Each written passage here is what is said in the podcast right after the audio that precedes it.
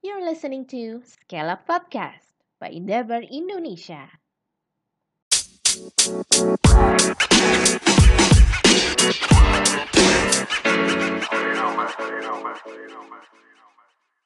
Good day everyone. Setelah belajar banyak soal fashion, F&B, dan tech business di tiga episode sebelumnya, di episode kali ini kita akan masuk ke area talent and people. Bareng Endeavor High Impact Entrepreneur Arif Widiasa of Agate International, kita bakal dengerin bagaimana journey-nya Arif mulai dari 18 orang sampai ke lebih dari 200 orang. Kira-kira apa sih empat major must-have criteria yang ideal buat early stage startup? Cari tahu yuk! Sesi ini diambil dari program Endeavor Scale Up Mindset yang bisa kamu lihat versi recorded videonya di YouTube Endeavor Indonesia. Enjoy!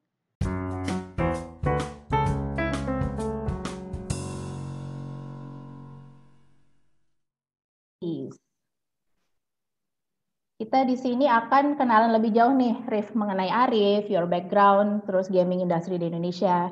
Boleh tolong, Rif, um, diceritain um, Arif itu siapa sih, your background juga, games industry di Indonesia seperti apa, dan dari zaman Arif dulu pertama bikin sampai Agate sekarang tuh industri gaming tuh di Indonesia tuh gimana sih, dan dulu kepikiran bikin Agate itu berangkat dari mana, Rif? Jadi biar teman-teman yang uh, belum belum tahu tentang Arif, belum tahu tentang Agate bisa belajar dari sini. Oke, okay, thank you. Um, ya. Ngomong kali ya sharingnya. Silakan. Siap, siap, thank you. Um, mungkin dari gaming industry dulu ya. Jadi mungkin buat teman-teman yang uh, saya yakin sih teman-teman di sini pasti uh, familiar sekali dengan yang namanya game ya, video games, baik itu di konsol, PC, mobile. Uh, mungkin yang saya mau highlight adalah ternyata games ini as a entertainment industry um, sebenarnya di tahun sebenarnya bahkan dari 10 tahun yang lalu game industry itu sudah jadi industri entertainment paling besar di compare sama movie, music itu game udah paling besar. Bahkan status terakhir ya, kalau nggak salah game itu udah tiga kali lipat lebih besar dibandingkan film dan mungkin kalau dibandingkan musik 7 sampai 10 kali lipat. Jadi uh, jauh lebih besar. Um, kalau awal mula Agate, sorry kayak suaranya feedback ya. Uh, kedengaran kok. Oh, kedengaran. Oke. Okay. Kedengaran baik kok. Ha. Apa. Oke, okay, sip. Thank you. Um, kalau asal mula negatif sih sebenarnya kita itu mulai di tahun 2009. Jadi waktu itu saya masih mahasiswa dan sebenarnya dari kecil tuh suka main game dan punya cita-cita untuk pengen bisa bikin game sendiri. Eh, banyak sih yang main game dan pengen bikin game kan. Dan akhirnya kebetulan waktu di kampus ketemu beberapa teman dan akhirnya kita memutuskan kita pengen kerja di game tapi nggak ada company game di Indonesia, yaudah kita bikin sendiri. Jadi hmm. awalnya sesimpel itu. Dan dari found, kita tuh founder udah banyak banget, kita 18, setengahnya itu technical, backgroundnya setengahnya itu art background. Okay. Jadi kita nggak ada yang bisnis. Dan di masa-masa itu kan ya belum ada yang Endeavor, jadi kayak yeah. kalau kita mau belajar bisnis nggak ada nih mau dapat dari mana kan. Jadi kita yeah. trial and error. Di awal-awal kayak kita banyak melakukan kebodohan lah. Kita patungan itu 130 juta, tapi kayak hampir 100 juta kita habisin buat kantor. Karena kita mikir bisnis itu kantornya harus keren. Jadi okay. sekali. Uh, dan um, Indian kita baru sadar bahwa orang harus digaji. Jadi kita bahkan start dengan gaji 50 ribu. Jadi uh, startnya lumayan bootstrap di awal. Um, fast forward sampai sekarang, uh, kita lucky sekali, kita beruntung sekali kita bisa growth. Um, sekarang kita udah jadi perusahaan game terbesar di Indonesia. Kita total mungkin orang ada 240-an. Um, kita udah bikin game untuk konsol, PlayStation 4, uh, Nintendo Switch. Kita lagi mau bikin buat PlayStation 5. Uh, kita ada bikin game buat mobile. Kita juga banyak bikin untuk uh, gamification. Jadi membantu company misalnya untuk training atau advertising purpose. Kan mungkin itu kali short intro tentang Agate. Oke, okay. kalau dulu berarti um, perusahaan gaming itu kan belum ada, berarti Agate bisa dibilang yang pertama banget untuk um, perusahaan gaming di Indonesia. Is it? Kalau yang pertama kayaknya enggak. Setahu saya yang pertama itu 2013 ada eh sorry 2003. Tiga. Ya, ada senior senior oh. yang memulai lebih dahulu. Oh oke okay, oke. Okay. Dan dulu itu dari 18 orang, sekarang totalnya ada berapa uh, tim? Timnya sekarang 240. 240 dan di kalau nggak salah uh, di ada tempat sendiri ya akhirnya ya di di, oh, iya. di share oleh apa oleh Ridwan Kamil di oh, daerah iya, Semarakan Bandung. Semarakan Bandung. Kita ada satu gedung sendiri. Oke okay, oke okay, oke okay. siap siap. Dan gamingnya dari Agate itu sendiri yang paling uh, top 3 yang paling uh, famous di Indonesia dan juga di luar negeri itu apa, Rif?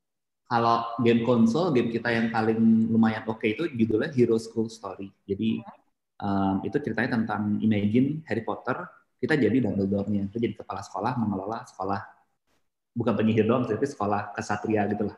Ya. Nah itu bahkan waktu pandemi ya sales kita naik 300 persen. Jadi Karena orang pada main. Ya kuartalan kuartal naik 300 kita juga kaget. Udah tuh udah game lama, game yang harus Iya, iya, iya. Ya. Um, kalau di Indonesia mungkin game yang lumayan populer itu kalau untuk cewek kita ada game judulnya Memories. Hmm. Ini tuh sebenarnya game kayak pilih sendiri petualanganmu kayak yeah. game baca cerita tapi kita bisa pilih-pilih jawaban gitu dan okay. mostly gamenya ceritanya romance jadi dari perspektif cewek kita kayak dikejar-kejar banyak cowok ganteng gitu itu populer sekali uh, satu lagi yang mungkin relatif lebih cowok itu judulnya Code Atma kalau itu gamenya sebenarnya kita pengen memodernisasi karakter-karakter uh, legendanya Indonesia kayak misalnya hmm. Nyi Roro Kidul atau bahkan ada pocong pocongnya kita bikin super keren mak lampirnya kita bikin super cantik jadi um, dicoba sih itu yang kemarin menang award by the way Oh, teman-teman mesti coba nih. Berarti kalau teman-teman mau nyari game Agate, dia mesti uh, klik uh, search keyword apa nih? Uh, kalau di Play Store App Store, search Agate juga pasti menang. Yap, oke, okay, oke. Okay. Uh, mau ngingetin juga teman-teman kalau di tengah-tengah mau ada pertanyaan, jangan lupa langsung aja ke kolom Q&A ya. Kita next slide dulu.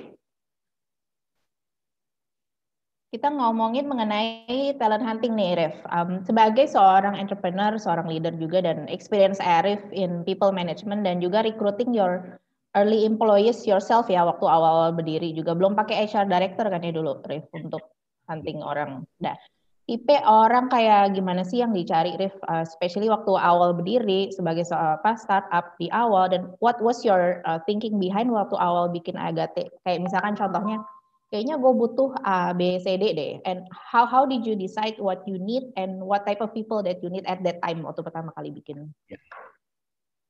Um, dijawab dengan versi bercandaannya dulu. Jadi di awal itu karena karena kita nggak mampu bayar orang ya, jadi kita bahkan kayak hire orang itu dengan gaji starting seratus ribu per bulan. Oke. Okay. Dan literally ada yang apply dan banyak yang masuk. Jadi. Oke. Okay. Uh, tapi itu uh, versi bercanda. Uh, nggak lama ya, ngobrol bulan doang gaji Um, kalau di kita dulu di awal-awal, um, kita selalu memprioritaskan bukan kita selalu mengukur kualitas orang yang ingin diajak masuk company itu berdasarkan empat kriteria. Kriteria pertama, kita bilangnya itu dulu bahasanya integrity. Hmm. Kita jelasin sih. Uh, yang kedua itu attitude, yang okay. ketiga itu performance, yang keempat itu baru skills atau okay. kompetensi. Jadi um, dan kriteria ini bakal jadi urutan kayak penerimaan ya. Jadi harus yes yes yes no masih oke okay daripada yes no no yes kayak gitu lah. Jadi kalau yang atasnya udah no mendingan nggak usah bawahnya dipikirin. Hmm. Maksudnya jadi yang pertama itu integrity. Integrity itu apa sih? Integrity itu kayak karena kita masih awal banget kan pasti sistemnya nggak ada yep. Ya. uh, kayak penjagaan juga nggak ada. Jadi faktor trust itu jadi sangat penting. Jadi harus memilih orang-orang yang memang bisa dipercaya, punya integrity hmm. yang tinggi. Hmm. Uh, integritinya selain masalah kejujuran juga, kita juga ngecek orang-orang yang punya integritas terhadap misi dari company. Jadi orang yang masuk itu harus percaya bahwa apa yang ingin dituju oleh company ini itu dia juga percaya. Jadi itu integrity kalau buat okay. kita. Yang nomor karena kalau dia ini aja nggak nggak apa ya nggak percaya yang percuma kita ngeliatin yang lainnya. Karena yeah. nanti di tengah jalan dia bakal bilang ini goalsnya juga udah salah ngapain kita lakukan hmm. yeah. itu sering discussion. Yang kedua itu attitude. Kalau attitude jelas ya. Jadi apakah dia bisa diajak kerja bareng, teamworknya. Kalau di awal-awal kita bahkan simple sekali karena belum detail kan. Kalau sekarang sih udah kompleks ya sistemnya. Yeah. Um, yang ketiga itu performance. Biasanya ini kita lihat dengan cara kita onboard dulu kayak 2-3 bulan, baru kita bisa lihat dia punya performance bagus atau enggak. Hmm. Skill itu hal yang paling tidak kita perhatikan. Yang penting dia fit on the job karena kita believe skill itu bisa di grow. Oke. Okay. Jadi kita cuma lihatinnya bisa satu sama dua. Oke. Okay. Oke, okay. integrity, attitude, performance, sama skill dan itu semua berurutan. Kalau iya. misalkan hmm. masuk di tempatnya Arif dulu ya, oke. Okay. Dulu ya, kalau sekarang sih ya oh. agak. Kalau sekarang berarti udah, maksudnya kalau dulu memang masih awal-awal pakai empat sistem itu. At what point Arif uh, waktu itu oke okay nih kayaknya nggak bisa pakai ini lagi, terus kayaknya gue mesti ada uh, eh, HR person untuk untuk nge kayak gini-gini gitu. Itu ya. berapa tahun setelah setelah setelah berdiri? Ada ini ada quote sih, saya lupa baca quote Kalau nggak hmm. salah dari quote-nya Jack Ma, dia bilang setiap kali ketemu angka 10 sama angka 3, sistem bakal berubah. Jadi Itu contoh tahun ya maksudnya? Uh, enggak, jumlah orang. Oh, oke. Okay. Jadi misal gini, team of three people itu sistemnya cukup satu leader. Hmm. Semuanya sama orang, kenal. Hmm. Hmm. Team of ten people biasanya udah butuh dua leader. I see. Oke, okay, oke, okay, oke. Okay. Nah, team of 30 people itu udah mulai ada sistem yang leadernya udah beberapa dan mulai ada butuh fungsi yang full time support juga dia berguna loh. Kalau hmm. untuk 10 orang ada satu orang yang full time support nggak guna karena nge-support 9 orang itu banyak peluangnya. Tapi kalau udah pas 30 orang butuh satu orang admin slash HR slash finance ngaruh. Hmm, ya ya ya. Di 100 orang, nah itu udah udah beda lagi isunya. Udah butuh, udah butuh ada orang yang mikirin kayak masalah uh, eh, HR-nya udah lebih detail kalau ngomongin HR mungkin udah yang benar ngurusin remunerasi mm-hmm. bimbingan atau kayak yeah. ya adminnya udah lebih banyak yeah. di 300 orang kita kan menuju ke 300 itu isinya udah beda lagi isinya kayak masalah komunikasi memastikan yeah. bahwa komunikasi di satu perusahaan itu sama jadi setiap kali ketemu 10 sama 3 sistem masih berubah. Hmm, oke okay, oke. Okay. Menarik, menarik. Terus ini langsung ada uh, pertanyaan nih yang berkaitan dengan yang tadi uh, empat empat itu. Boleh hmm. di-share nggak uh, dari Nana dari Universitas Ciputra tes seperti apa sih yang digunakan untuk in, tes integrity dan attitude-nya ketika rekrutmen? Ya, ini ini triknya ini berguna banget sih. Jadi triknya gini. Um, tapi saya nggak tahu ya apakah ini implemented bisa diimplement di masa sekarang. Tapi ini ya. yang kita lakukan dulu ya. Jadi dulu itu kita pilih bahwa um, orang yang niat itu kalau diperibet prosesnya dia bakal oke. Okay. Jadi um, ujung-ujungnya sebuah proses hiring itu apa sih? Ujungnya adalah user interview kan. Orang yang mau hire akan menginterviewnya. Ya. Nah ini proses makan waktu sekali karena bisa jadi satu interview itu dua jam. Artinya semakin bagus kita bisa ngefilter di proses depannya akan semakin bagus. Mm-hmm. Nah jadi apa yang kita lakukan? Ini bayangkan saya mau ngelamar ke Agatha di masa lalu ya. Yeah. Um, saya baca lowongannya, saya dilempar ke website. Di website itu saya harus mengisi sebuah form dilengkapi dengan tes psikologi, total waktu saya mengisi itu bisa jadi satu jam. Oke. Okay. Artinya kalau dia nggak niat, dia nggak akan ngisi formnya kan, karena sejam. Okay. Ya, Ini ya, bukan ya. yang lempar lempar CV lowongan, ya. walaupun ada masukin CV. Jadi pertama tesnya juga sejam bukan tes lah, mengisi formulirnya sejam. Begitu ngisi, kita bakal ada auto email, nyuruh dia menulis essay motivasi kenapa join Agate dan harus dibalas dalam waktu satu hari. Udah ada rules-nya ya dari awal. Hmm. Ya. Ini artinya kalau orang yang nggak niat atau orang yang masih ada kerjaan tapi juga nggak terlalu niat pindah kerja, dia nggak akan hmm. ngejar tuh dalam satu hari. Ya. Nah kalau dia niat, dia bakal kerja dalam satu. Biasanya dia terus isi motivasi. Dari isi motivasinya kita lihat kalau emang dia oke, okay, kita lanjut ke next step-nya. Next step-nya, kita bakal kasih dia technical test. Tergantung sih dia apply senior atau junior. Technical test itu biasanya kayak satu minggu sampai dua minggu. Hmm. Tes, kalau dia nggak spend waktu sorenya after kerja, dia nggak akan selesai tesnya. Hmm. Jadi kayak tes jam itu loh gimana? Technical testnya lumayan susah jadi kalau dia nggak nggak selesai. Sehingga kalau dia udah pas the technical test juga, interview chance dia masuknya gede sekali. Oke. Okay. Jadi inter, uh, integrity bisa kelihatan dari dia punya essay motivation, attitude-nya bisa kelihatan dari selama proses dia kayak gimana. Integrity dan motivation, attitude-nya selama prosesnya gimana. Oke, okay, sip, sip. Uh, semoga itu, eh, ada lagi, Rif? Dari ya, tambahan dari itu. Habis itu baru udah. interview. Habis interview, okay. Ya, normal ya, probation, udah, udah normal. Ya, ya, siap. Thank you, Rif. Semoga menjawab dan Nana dari Universitas Ciputra. Um, kita lanjut dulu ke yang next slide. Ini banyak banget juga ditanya teman-teman yang baru mulai nih atau sudah punya startup sendiri. Gimana caranya kita attract talented people untuk gabung di mana startup kita sendiri nggak punya competitive salary? Itu kita dulu kita gitu banget sih. Kita dulu tawarin gaji itu seratus ribu loh. Iya. Um, Nah itu kenapa orang mau masuk ya, Rif? Apa karena emang mereka interest banget ke dunia gaming dan waktu itu belum ada? Itu jawaban konteks uh, kontekstualnya gitu sih. Tapi kalau hmm. di generalize mungkin memang kita harus cari daya jual lain selain salary Hmm. Apa yang kita waktu itu jual adalah kesempatan untuk bisa bikin game di Indonesia. Oke. Okay. Dulu nggak ada. Oke. Okay. Jadi itu yang kita sangat jual banget dan dan untungnya banyak yang percaya dan masih stay sampai sekarang dan untungnya kita bisa bertahan hidup tapi kita benar-benar cari sesuatu yang kita bisa jual sih sebenarnya. tapi oh. mungkin agak incomparable juga karena zaman dulu juga 2009 ya kompetisi rebutan dalam di startup nggak sekencang sekarang Hmm, kalau ya, sekarang tuh how how uh, what di apa namanya opininya Arif tuh gimana ya Arif? Kalau misalnya uh, tadi kan Arif bilang dulu itu apa um, kompetisinya nggak sebanyak sekarang, tapi dengan sekarang menjamurnya startup, orang mau bikin bisnis apa segala macam, what do you think yang bisa menjadi selling point untuk attract talent? Um, kalau sekarang approach-nya udah harus jadi sangat personal dan bahkan jemput bola.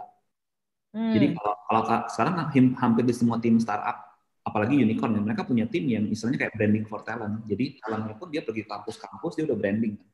Jadi hmm. kayak selama masih di kuliah juga mereka udah udah kalau nanti kerja di perusahaan X saja atau perusahaan Y karena apa udah di branding nih ada alumni-nya hmm. juga dipanggilin ke sekolah. Jadi ah. mereka udah invest di mindsetnya itu udah sangat panjang. Jadi the only way kalau kita baru mulai untuk bisa menang melawan itu ya kitanya mungkin teman-teman sebagai founder yang harus turun jemput bola di kampus-kampus.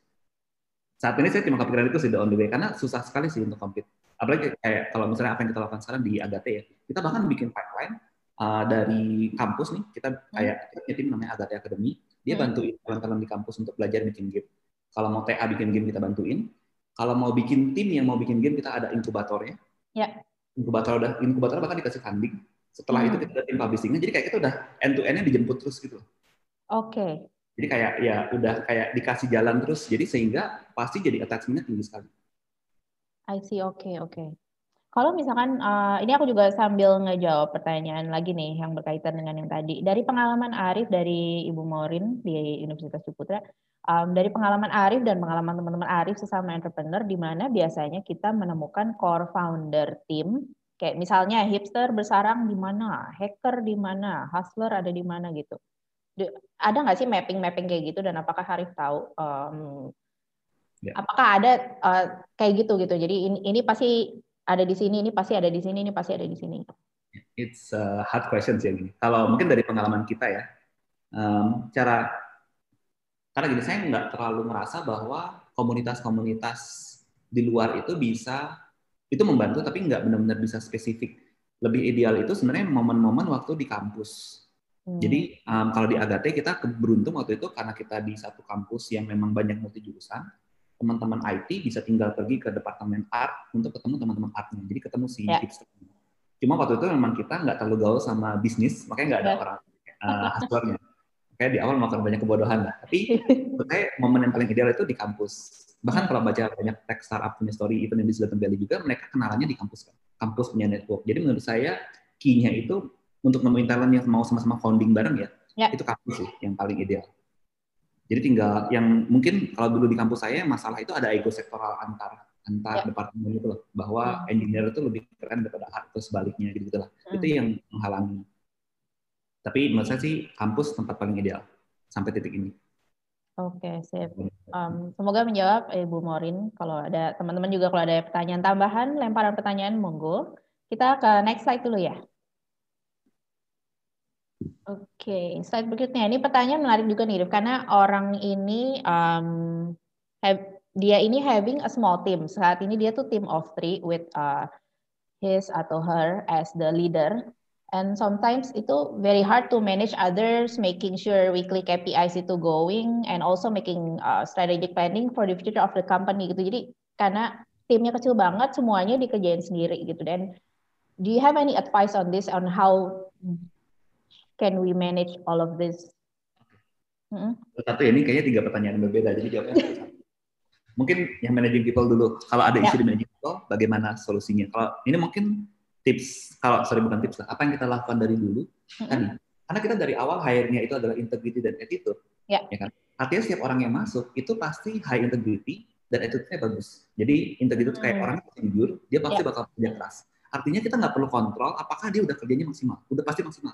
Hmm. Nah, sehingga tidak ada yang namanya managing people. Yang ada adalah leading people dan managing the task. I see, oke. Okay. Jadi tugasnya si leader itu udah bukan manage people lagi, karena dia udah nggak perlu lagi, eh kamu habisnya kerja ini ya, nggak perlu. Dia tinggal bilang, kamu pokoknya minggu ini, ini harus kelar.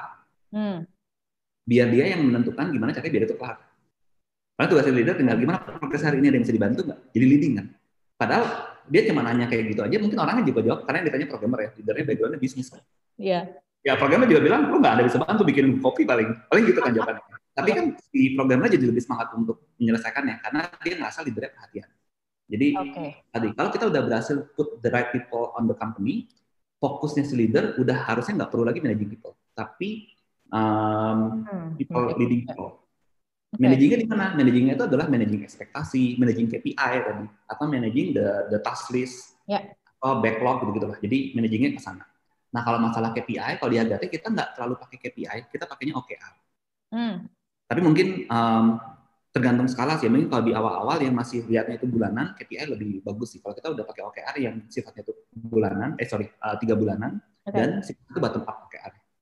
Objective and key result ya OKR ya. Ya, objective and key result ya. Jadi kita udah pakai sistemnya OKR. Kalau mungkin uh, teman-teman pengen baca-baca banyak referensinya OKR. Jadi hmm.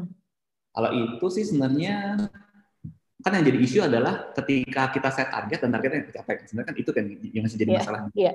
leadership.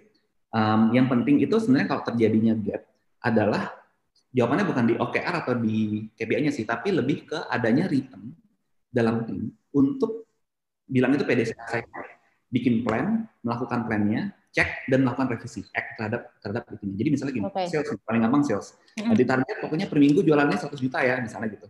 Uh, minggu ini berapa? Baru 10 juta. Minggu depan berapa? Masih 10 juta. Mm. Nah, idealnya setiap tim yang seperti ini itu adalah tiap minggu dievaluasi. Minggu ini berapa? 10 juta. Kenapa ya 10 juta?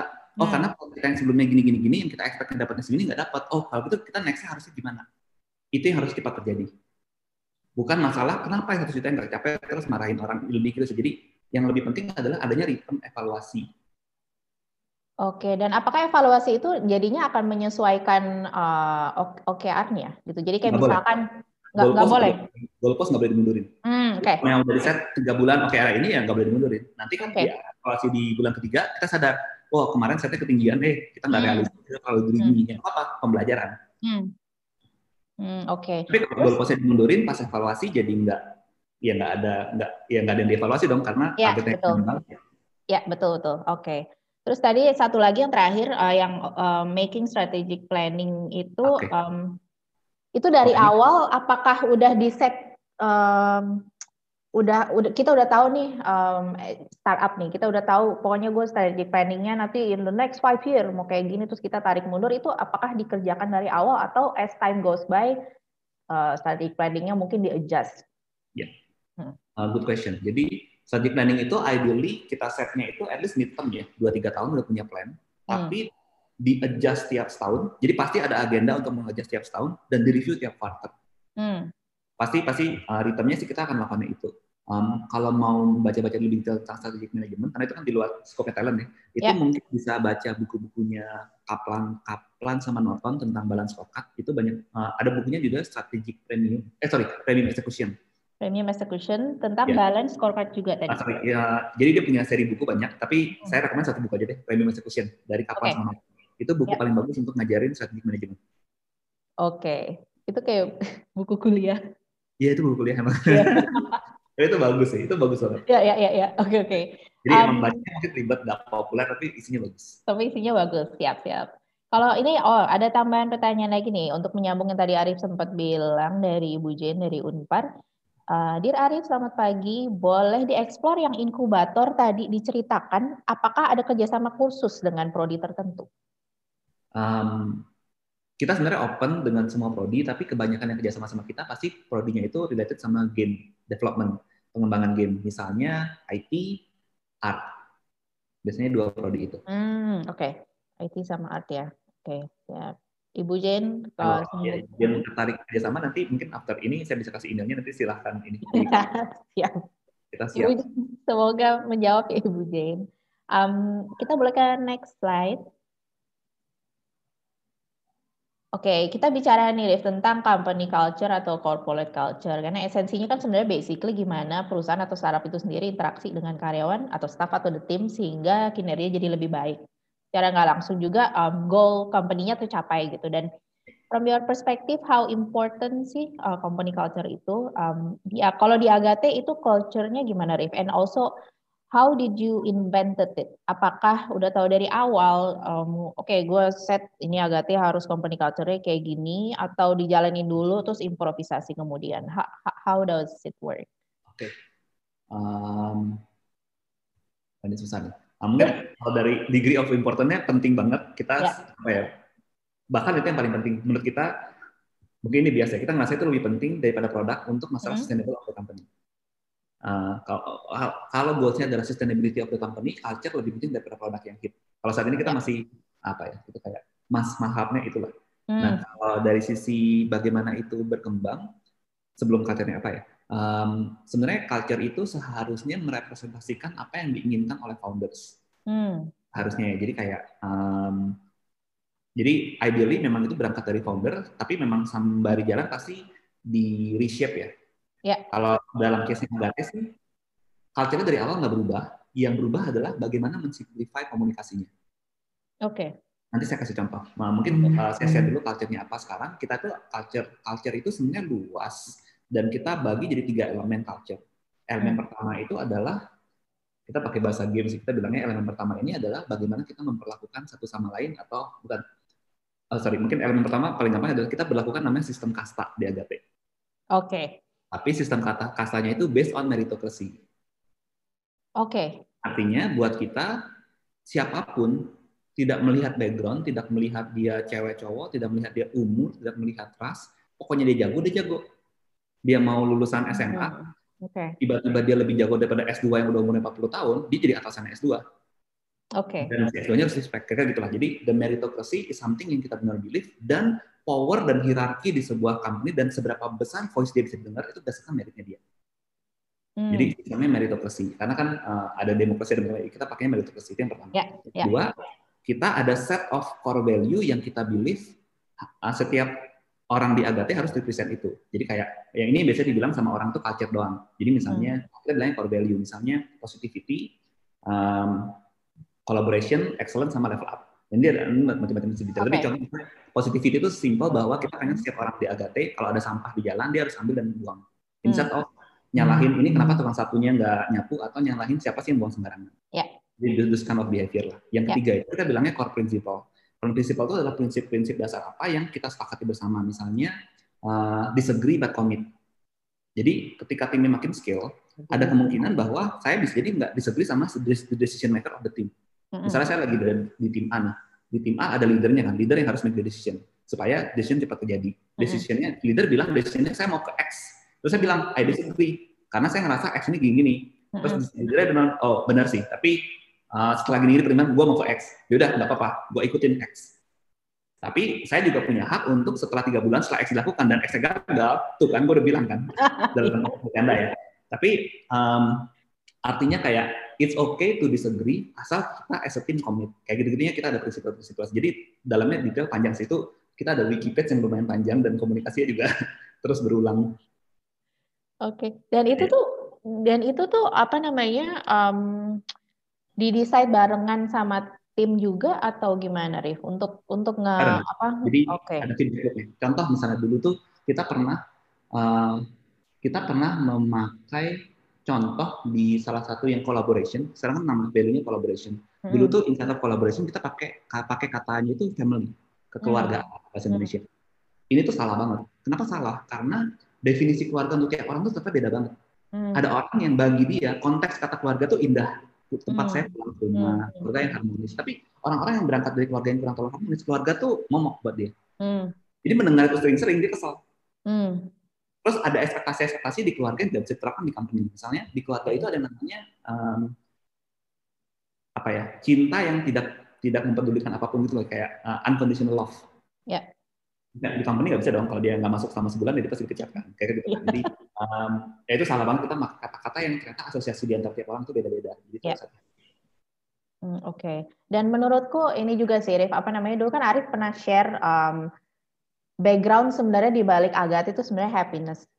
Hmm. And you, Arif pernah share mengenai apa uh, degree of happiness orang-orang sampai kepada tahap itu. I think it's very wonderful. Boleh nggak Arif share? Uh, dan karena setelah mendengar itu tuh akhirnya um, ibaratnya apa ya jadi orang-orang tuh pengen masuk agate gitu loh karena you you put it in a beautiful way sehingga orang oh oke okay, ini happiness sih adalah hal yang paling penting dan gue mau masuk agate itu boleh nggak di share? Oh ya, thank you, thank you. Ya, uh, ya jadi sebenarnya kalau di kita kita bilang ada yang namanya core, core itu ada core value tadi si culture sama ada hmm. kayak core purpose. Nah kalau purpose kita itu mungkin kalau disimplifikasikan kita pengen kontribusi membuat dunia lebih bahagia. Hmm. Um, dan kebahagiaan itu ada tiga level. Jadi level pertama itu adalah bahagia karena tubuh kita mengeluarkan dopamin. Jadi istilahnya itu bahasa Inggrisnya pleasure. Maksudnya itu kapan sih pas saya minum kopi misalnya barusan uh, yeah. uh, makan dopamin, saya ngerasa lebih bahagia daripada saya tidak minum kopi. Uh, atau olahraga atau macam-macam kegiatan tuh bisa menimbulkan dopamin, termasuk main game. Yeah. Nah, tapi bahagia level pleasure ini itu nggak tahan lama. Jadi butuh di apa ya di terus terus terus main game biar dia keluar dopaminnya kan. Hmm. Nah yang uh, bahagia level 2 itu istilahnya kalau di psikologi itu istilahnya flow. kita bilangnya itu passion ya, pleasure, passion. Passion itu adalah ketika kita berhasil apa ya, membuat diri kita mengenjoy sesuatu. Contoh yang paling sering pakai itu orang mancing. Hmm. Kalau orang yang suka mancing sama orang yang nggak suka mancing, yang nggak suka mancing mungkin mancing lima menit udah buka HP, yeah. nggak enjoy. Tapi yang suka mancing mungkin dia diam 4 jam seneng. Dia enjoy every moment lihat airnya atau apa pun yang dilihat saya juga ngerti, tapi dia enjoy. Artinya ketika orang berhasil mengenjoy apa yang dia lakukan, dia akan terlalu lebih bahagia daripada yang tidak. Hmm. Nah ini psikologinya flow atau dia berhasil menemukan passion. Ini lebih tahan lama daripada pleasure. Tapi hmm. yang ketiga yang paling kuat itu adalah purpose. Ketika orang berhasil menemukan purpose yang lebih besar daripada dirinya sendiri, dia bakal relatif lebih bahagia dibanding tidak punya purpose. Dan ini lebih jangka panjang. Misalnya orang ketika udah punya anak, relatively bakal lebih punya purpose. At least kayak menghidupi anaknya, menyekolahkan anaknya. Dan dia bakal bisa lebih kerja keras, lebih tidak mengeluh dibandingkan sebelum dia punya anak. Hmm. Nah artinya kan akan semakin indah kalau kita berhasil menggiring banyak orang menemukan purpose-nya masing-masing kan. Ya. Baik itu menyelamatkan dari dalam sebuah game ya, tapi kita pilih bahwa semakin banyak kita bisa membantu orang menemukan purpose-nya, orang bakal lebih bahagia. Dan ya itu yang jadi purpose kita sih. Dan kita ngerasa bahwa memiliki mindset positivity itu membantu untuk melihat dunia dari sisi yang lebih terang daripada yang gelapnya. Dan memudahkan kita menjadi lebih bahagia. Makanya itu jadi core value kita sih. Okay. Positivity. Dan do you think by having um, by identifying hal-hal kayak gitu tuh itu ngebantu Agate untuk um, punya vision ke depannya, untuk nyari talent juga um, segala macam it it helps a lot ya dengan ya, mengidentifikasi hal-hal seperti itu ya. Banyak contoh misalnya kayak kita misalnya ada event seperti ini misalnya atau ada ada acara TV dan kita ngomongin message tadi, ya. jadi ada tiga tahun kemudian ada orang yang join Agate, saya bilang iya saya nonton tuh tiga tahun lalu dan saya tergerak karena saya pilih juga bahwa game itu bisa membantu bagian orang gitu lah jadi oke okay. kan ya oke okay, sip terus ini um, uh, kita baru lihat nih ya di websitenya Arif tuh ada yang namanya Agate Academy can you elaborate more tentang Agate Academy kalau Agate Academy itu lebih program kita untuk yang mainly bekerja sama sama university-university atau hmm. SMK hmm. untuk Uh, karena kan sekarang kayak game itu masih bukan bisa dibilang jadi karir yang benar-benar jelas, yeah. tapi minatnya tinggi kan. Jadi kita membantu untuk uh, kampus-kampus atau student-studentnya yang punya minat ke sana, kita kayak at least kasih materi, kasih kasih mungkin kayak tiba-tiba apa sih soalnya kayak yang datang ngajar sehari dua hari, mm -hmm. kita ada bimbingan TA. Jadi kayak intinya membantu dosen dan university untuk kalau ada student yang tertarik sama game atau bahkan dosen yang tertarik sama game development bisa punya akses ke knowledge-nya. Oke oke, siap. Jadi untuk, uh, teman-teman yang di sini atau ada dosen yang di sini mungkin kalau mau tahu lebih banyak mengenai ada uh, Agate Academy bisa kita langsung hubungin Arif ya. Oke, terus ini ada apa kita pertanyaan dari teman-teman dari Hana dari Unair. Jika fresh graduate ingin melamar dalam perusahaan dan COVID-19 memaksa terjadinya transformasi digital secara masif, di berbagai bidang pekerjaan, proses recruitment dan selection secara daring, pengelolaan payroll dan HRIS, learning and development, dan performance monitoring dituntut untuk lebih optimal. Sehingga upaya apa untuk mempertahankan talenta berkaitan dengan kompensasi dan pengembangan karir dan strategi manajemennya? Hmm, oke. Okay. Um, wah ini hard question juga. Um, jadi gini, kalau mempertahankan talenta, ini satu topik sendiri yang mungkin prioritas utama dalam mempertahankan talenta itu bukan masalah kompensasi atau karir planning. Hmm. Uh, jadi saya bahas nanti saya bahas juga yang kompensasi sama karir planning. Yeah. Ya. Um, biasanya kalau kita, jadi dari survei yang pernah kita um, dapat pelajari, orang itu tidak mau bertahan dalam sebuah perusahaan karena apa sih? Jawaban nomor satunya itu adalah karena atasannya. Hmm. Jawaban nomor duanya adalah karena kulturnya. Okay. Jawaban nomor tiganya baru karena remunerasinya, kompensasi. Yeah. Uh, kadang kadang-kadang growth itu bahkan jadi nomor tiga. Dia nggak bisa bertumbuh di perusahaan ini. Mm -hmm. Dan jadi okay. kalau nggak berarti jawabannya itu growth-nya itu sama kompensasi itu ketukeran lah. Nah, artinya tadi kompensasi dan career planning itu nomor tiga sama nomor empat. Yeah. Yang lebih penting adalah untuk memastikan defensibility. Tolong dipastikan apakah setiap leader di company-nya benar-benar perhatian terhadap si tim apalagi dalam kondisi kayak COVID gini ya, di mana semua orang kerja dari rumah, dan bisa dipastikan semua orang punya stresnya masing-masing ya, karena kita nggak tahu apa yang terjadi di keluarga mereka. Ya. Kita bahkan di awal COVID itu kayak kirim survei untuk mereka semua share kalau masalah finansial, masalah apa yang di keluarga, tolong di-share, kita semua tahu. Ya. Um, jadi si leadernya itu harus lebih perhatian sih, kayak nanya malam ini udah makan. Ya. Hal kecil seperti itu tuh sangat membantu supaya si orangnya nyaman, karena dia merasa leadernya baik. Hmm. Karena itu yang membuat dia jadi biasanya pergi. Yang nomor dua kultur. Kalau kultur ini susah sih. Kalau di COVID ini something yang agak susah di defense. Jadi kalau udah punya tabungan kultur bakal lebih bantu. Kalau belum susah ini. Kalau kalau remunerasi ya mau nggak mau harus compete sih. Jadi kalau misalnya ada si programmer uh, di kita awalnya digaji 10, tiba-tiba sebelah nawarin dia 20, biasanya sih kita nggak counter offer.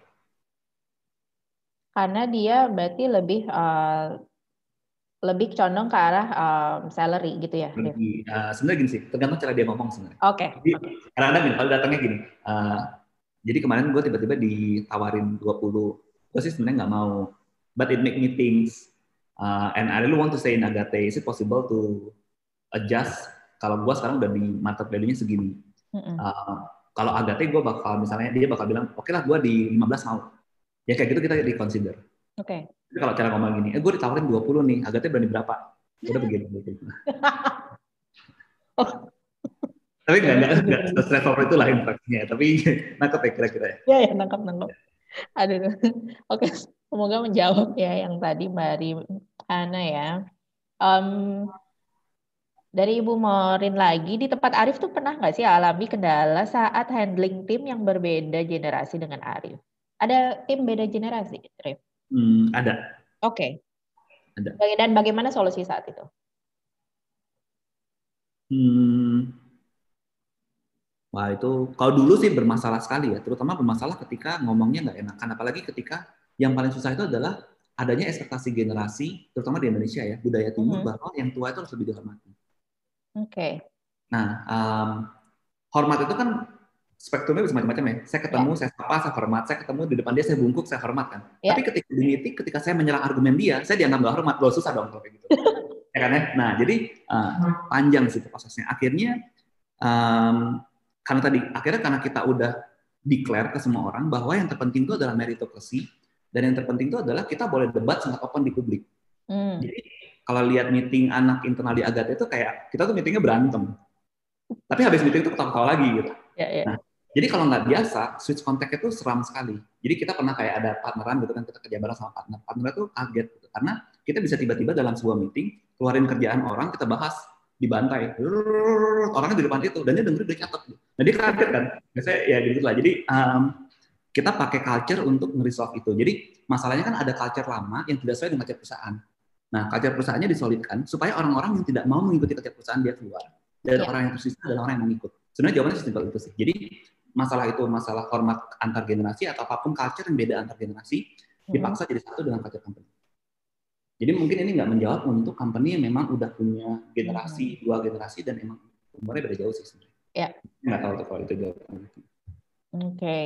Semoga menjawab Ibu. Kalau ada pertanyaan lebih jauh silakan lagi. Uh, itu juga mau informasin ke teman-teman kalau ada pertanyaan boleh langsung ke Q&A aja. Uh, jadi biar kita bisa baca uh, pertanyaannya kepada Arif.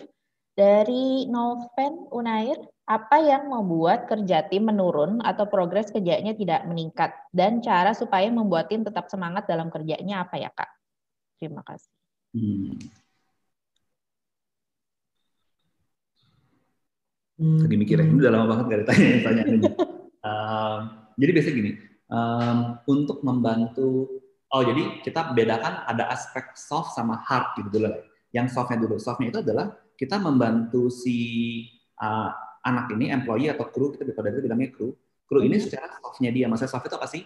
Pertama kita harus mastiin bahwa personal dream dia itu align sama company dream. Oke. Okay. Jadi uh, misalnya personal dream dia itu beberapa mungkin sesimpel kayak mau jalan-jalan ke Jepang misalnya hmm. nah jadi kalau kita lainkan bahwa misalnya kayak oh, nanti ada sistem bonus atau apa di dalam company membuat mimpi dia bisa kenyataan kalau company-nya hit sebuah target dia bakal semangat jadi yang pertama adalah alignment of dream okay. yang kedua itu hmm, memastikan bahwa ada support system di sekitar dia nih yang kemarin tadi saya bilang masalah leader itu sih yang selalu mendengarkan dia Okay. Jadi momen yang paling bahaya di mana dia jadi tidak semangat adalah ketika dia merasa tidak didengar ketika dia merasa dia tidak berguna. Hmm. Tidak berguna itu ketika kerjaan dia nggak diapresiasi sama leadernya, yeah. sama tim yang lainnya. Jadi ini soft soft aspeknya. Yeah. Kalau dari hard aspeknya ya tinggal masalah teknikal sih misalnya kayak apakah ada cost dari komunikasi yang membuat kerjaan dia jadi lebih lambat. Itu diukur aja semua. Apakah ada kerjaan-kerjaan redundan yang bisa diautomate, yang bisa diperkecil. Hmm. Ukur itu sih. Tapi kalau dari sisi talentnya mungkin softnya kalian dibangun.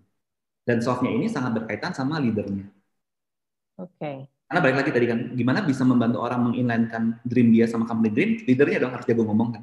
Oke. Okay. Pas lagi one on one bulanan atau one on one mingguan ditanya mimpi kamu sebenarnya apa sih? Oh mimpi saya tuh ini, wah pas banget nih. Nanti gini deh pas gini. Itu kan leadernya kan yang kreasi di sana. Hmm. Jadi faktor leader jadi penting sekali untuk membantu memotivasi tim dalam bekerja. Oke. Okay. Ini kalau nggak oh, oh, gini, gini, sorry. Uh, ini statementnya mungkin penting. Jadi yeah. sebenarnya bukan tugas leader untuk memotivasi timnya, tapi tugas leader adalah men-set up environment supaya setiap orang dalam tim membernya itu self motivated. Oke. Okay. Hmm. Ya. Karena motivasi yang diinstal oleh eksternal itu nggak tahan lama. Tapi motivasi yang muncul dari diri sendiri tahan lama. Contoh gini deh, uh, analogi yang paling gampang ya. Misalnya saya mau coba diet. Tiba-tiba saya bersemangat habis nonton video apa gitu kan, saya mau diet gitu kan. Terus yang, yang saya lakukan adalah semua makanan nggak bagus di kulkas saya, saya buang. Okay. Terus saya beli olahraga, saya olahraga. Percaya atau enggak, dua minggu kemudian saya balik lagi. Oke. Okay. Ya kan? Nah, kenapa? Karena tadi motivasi awal saya yang dapat dari eksternal stimulus, stimulus saya pakai untuk langsung beraktivitas. Padahal harusnya adalah stimulus dari motivasi eksternal itu dipakai untuk mengubah environment supaya saya punya motivasi konstan. Mas saya rubah environment apa? Misalnya saya jual saya. Akibatnya selalu nggak ada makanan di rumah kan. Dan untuk beli makanan jadi lebih effort. Misalnya, hmm, hmm, jadi hmm. menggunakan energi tadi itu untuk mengubah environment. Nah, jadi itu kalau dalam itu kan dalam konteks personal, personal yeah. dalam konteks kerja tadi si leadernya harus mengubah environmentnya supaya setiap orang self motivated. Oke. Okay. Hmm. Sesimpel misalnya, ada orang yang lagi suka sama si cewek itu lah, tekan kerja gitu kan. Uh-huh. Di dekat propose tukar sama HR, duduknya sini deket sama si itu. Oh, termotivated. Ya pagi langsung mandi. Hal simpel. aduh, aduh, aduh. Oke, kalau kita ngomongin leader nih, Dev, ini ada ini kepikiran juga sih. Leader tuh uh, gimana ya kalimatnya? Jadi apakah uh, tim itu uh, leader kan sebenarnya seharusnya dia itu udah punya visi, dia tahu perusahaannya mau gimana segala macam. Apakah uh, tim itu diwajibkan untuk mengikuti leader no matter what atau leader itu tuh sebenarnya dia menyesuaikan diri dengan tim tanpa uh, dia menghilangkan vision yang dia punya gitu. Oke. Okay. Hard question. Jadi um, ya. Ada Jadi beberapa bisa, misalnya contohnya nih, contohnya mungkin biar aku lebih perjelas. Jadi saya ini leader itu orangnya keras banget gitu. Tapi emang dianya orang kayak gitu karena dia punya vision gitu. Dan kalau tim nggak bisa terima itu ya udah gitu. Tapi apakah dianya harus jadi lebih soft atau segala macam karena timnya protes? Misalkan kayak gitulah uh, oke. Okay. um, kalau di case kami ya di Agate kalau kita itu udah mengatur interaksi terkait decision seorang leader terutama terhadap goal setting ya ini kan berarti ngomongin vision itu kan goal setting ya karena kan uh, degree of visionnya juga beda-beda. Mungkin kalau di level CEO, visionnya company tiga tahun lagi. Di hmm. level project manager mungkin goals project ini tiga bulan lagi. Hmm. Itu kan, itu decision yang dia buat kan. Vision yang dia state itu tiga bulan lagi. Um, kalau di kita tuh kita atur bahwa ada dua dua core principle. Yang pertama itu informed decision maker, yang kedua itu disagree but commit. Informed yeah. decision maker-nya adalah si leader itu memang harus menjadi informed decision maker. Artinya hmm. setiap kali dia membuat decision, dia tuh harus memastikan dia mendapatkan informasi yang cukup. 70% dari total informasi yang dia bisa dapatkan itu ditangkap cukup dan dia bisa make decision on top of itu dan dia harus bertanggung jawab terhadap decision itu. Okay. Jadi um, dan kalau timnya disagree dia nggak mau disagree. Hmm.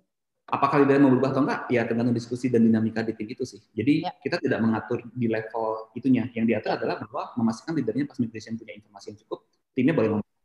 Hmm. Nanti kalau terjadi konflik baru diatur ya case by case lah. Oke oke oke siap siap. Um, ini kita ada apa pertanyaan lagi mengenai leader juga. Um, dari Satrio dari Unpar ingin menyampaikan pertanyaan. Pak Arif, apakah di Agate pernah ditemukan kasus di mana staf sangat ketergantungan dengan leader? Jika tidak, apakah bisa memberitahu gimana caranya untuk mereduksi atau antisipasi hal tersebut? Jadi ibaratnya mungkin ini ya apa namanya um, dia kalau nggak ada leadernya mungkin nggak nggak perform gitu atau dia nggak bisa making decision kalau misalkan nggak ada leadernya gitu. Ya jadi Um, mungkin langsung ngomong sistem sekarang ya, langsung yeah. Jadi kalau sistem sekarang di Agate itu kita mengevaluasi setiap kru itu berdasarkan dua matriks kayak dua matriks itu lah. Hmm. Yang vertikal ini matriksnya itu alignment dia, uh, dan yang kanan ini adalah matriksnya terhadap kompetensi dia. Hmm. Kompetensi dia. Dan kompetensi ini sekarang kita udah punya kayak grade. Jadi kayak kayak grade. Dan kita ada status dari grade 3, 4, 5 gitu. Di tiap grade ini itu um, ada ada kayak set of expectation. Misalnya ya. grade 3, ini adalah uh, tipe-tipe kru yang masih baru, di mana dia baru bisa berfungsi ketika ada supervisor yang memberitahu dia apa yang harus dilakukan. Oke. Okay. Oh sorry, enggak sih, enggak sampai sorry itu grade 1 sih. Jadi gini, oke okay, saya dari grade 1 dah. Ya. Grade yeah. 1 itu contohnya adalah OB. Hmm. Dia baru bisa berfungsi ketika dia disuruh. Ya. Maksudnya kayak bersihin ini dong, bersihin itu dong, baru dia bisa berfungsi maksimal. Ya. Grade 2 adalah uh, tipe tipe orang yang sudah bisa berfungsi ketika dikasih SOP. Oke. Okay. Jadi customer service, nah itu grade 2. Grade 3 itu biasanya memang pekerjaan yang relatif lebih kompleks. Misalnya kayak coding, gambar, itu udah pasti hmm. pekerjaan grade 3. Yeah. Tapi grade 3 ini biasanya tidak akan bisa start independen selama satu waktu tertentu, bisa seminggu, dua minggu dia nggak bisa. Pasti hmm. tiap hari dia harus ada leader yang ngecekin dia supaya dia berfungsi maksimal. Nah mungkin ini kalian dimaksud ya. Gimana caranya biar kalau dia ini kan di level 3 ini sangat tergantung sama leader. Memang jawabannya iya. Hmm. Jadi cara-cara terbaik biar dia tidak bergantung, mempercepat dia grow dari grade 3 jadi grade 4 grade 4 itu apa sih? Dia udah self independent. Di mana dia dikasih sebuah goal, seminggu dua minggu dia bisa selesai. Hmm. Jadi dia bisa membreak down the goal, dia bisa do all the necessary thing, dia bisa communicate to all the necessary people supaya hmm. goal terjadi. Itu grade 4. Biasanya ada grade 5, ada grade 6, ada sampai 10 kita grade. Kalau itu, udah grade di atas 6 itu apa, Rif? Jadi penasaran. Um, kalau 4 itu dia bisa self automate lah. Yeah. Uh, grade 5 itu dia udah lebih ke punya expertise khusus yang biasanya um, um, punya expertise khusus dan bisa mengkomunikasikan. Jadi bahkan grade 5 itu dia udah bisa punya expertise yang lumayan kuat dan bisa mengkomunikasikan ide dengan baik. Oke. Okay. 6 ini dia udah di expect bisa ngelit atau kalau kalau generalis dia bisa ngelit. Kalau spesialis dia harus punya specialty yang dalam banget sehingga di the whole company dia bisa dipanggil go to expert. Itu grade 6. Oke. Okay. Grade 7 ekspektasinya itu adalah dia harus punya tambahan satu skill set yaitu strategic management. Nah, jadi strategic management itu sebenarnya kompleks skill sih. Oke. Okay. Karena panjang untuk pelajari strategic management harus pelajari konsepnya, bahkan harus baca banyak case study kan. Jadi kayak yeah. case study itu harus telan semua. Nah, hmm. itu grade 7. Yeah. Grade 8 itu dia udah bisa mengerti corporate action. Oke. Okay.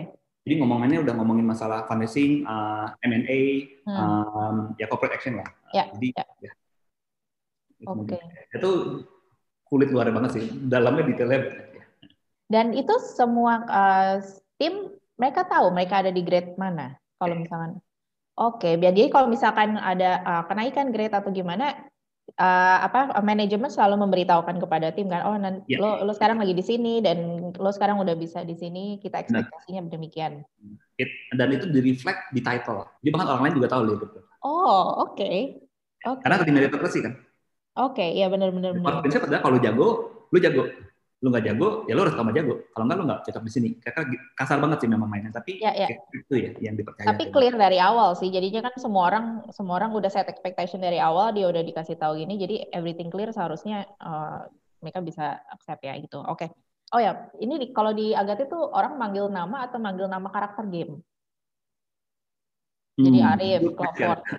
Nama, tapi di email kita pakai karakter game. Oh, Oke. Okay. Pakai nickname istilahnya. Iya, iya.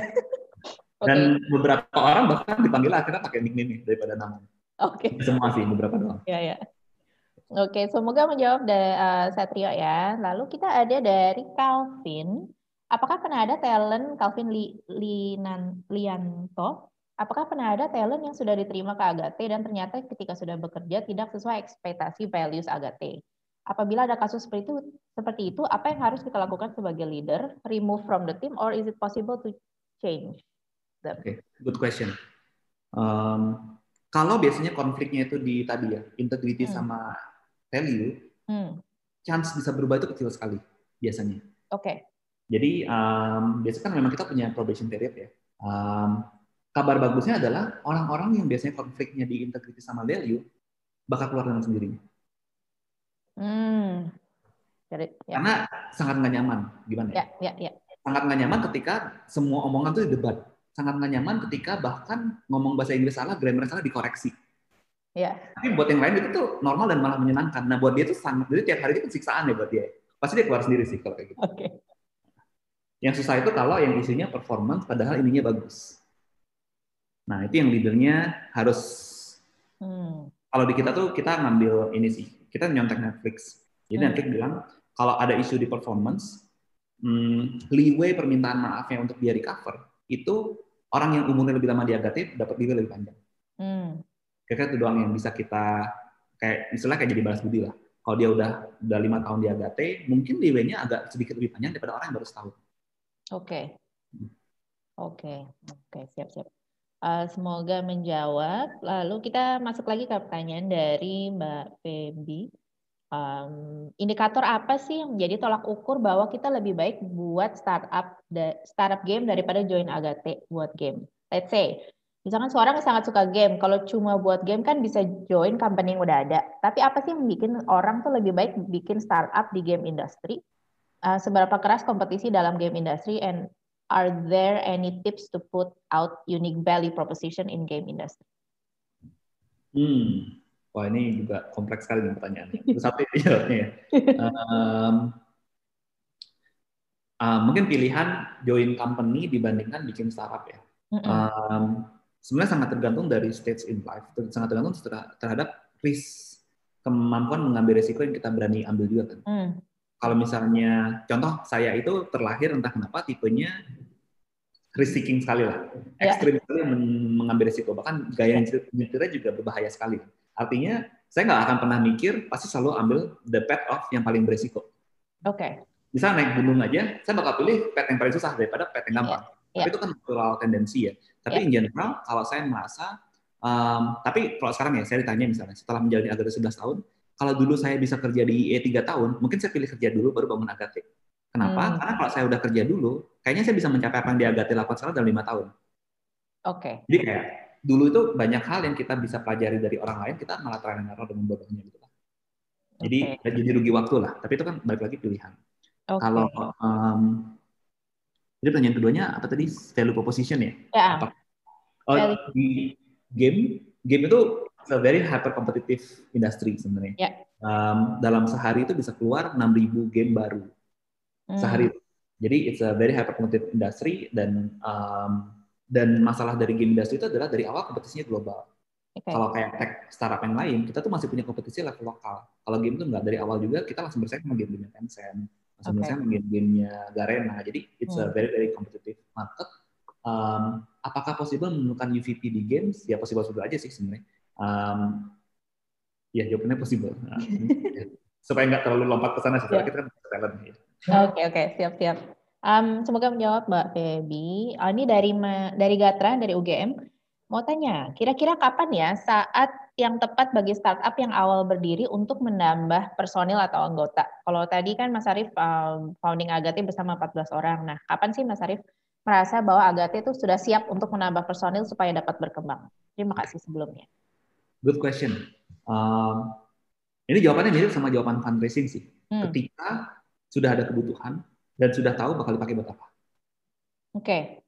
Jadi um, contoh kenapa Agate dari awal foundingnya 18 orang. Sesimpel hmm. karena bikin game itu nggak bisa berdua. Kalau mau waktu itu karena skala game kita mau bikin tuh game konsol. Hmm. Jadi jawabannya karena emang kalau mau bikin itu ya harus timnya banyak pada masa okay. itu. Sekarang sih dengan engine lebih bagus timnya bisa lebih kecil lah. Tapi yeah. waktu itu kita orangnya segitu karena kebutuhan. Oke. Okay. Jadi kapan sebaiknya scale up the team ya ketika kebutuhannya sudah ada. Dan hmm. apa ya? Dan tahu mau ngapain kan sebenarnya. Dan tahu mau ngapain karena hmm. perasaan yang paling gak enak itu adalah ketika kita create sebuah job, terus dalam waktu setahun job itu bakal hilang. Oke. Okay. Sehingga orang-orang yang di role tersebut tuh kita harus pecatin semua, dan itu bukan salah performa mereka loh. Salah decision kita create job itu. Itu perasaannya gak enak banget. Jadi kalau bisa menghindari kejadian itu dengan setiap kali mau create role baru ya pikir-pikir dulu lah. Oke, okay. oke, okay. siap siap. Thank you, thank you. Um, kita habis ini ke slides dulu sebelum ngejawab pertanyaan teman-teman yang lain. Boleh tolong slides-nya? Nah, dari perspektif Arif nih, dalam managing people, apa sih hal yang paling sulit? Mungkin nggak cuma satu, tapi ada hal-hal yang paling sulit yang selalu jadi challenge. Wah, ini susah. apa yang sulit ya? Kamu timnya kan udah 200-an tuh. Jadi within that time udah bertahun-tahun ini yang paling yang paling diingat, yang paling challenging, yang paling sulit itu tuh managing people tuh apa sih Hmm, jadi bisa gini sih, masalah kan tiap tahun kalau kita naik kelas masalahnya naik juga kan. Jadi hmm. masalah-masalah yang dulu muncul dan dulu kayaknya susah banget sekarang jadi jadi itu kayak recurring problem yang harian dan bahkan udah nggak jadi masalah.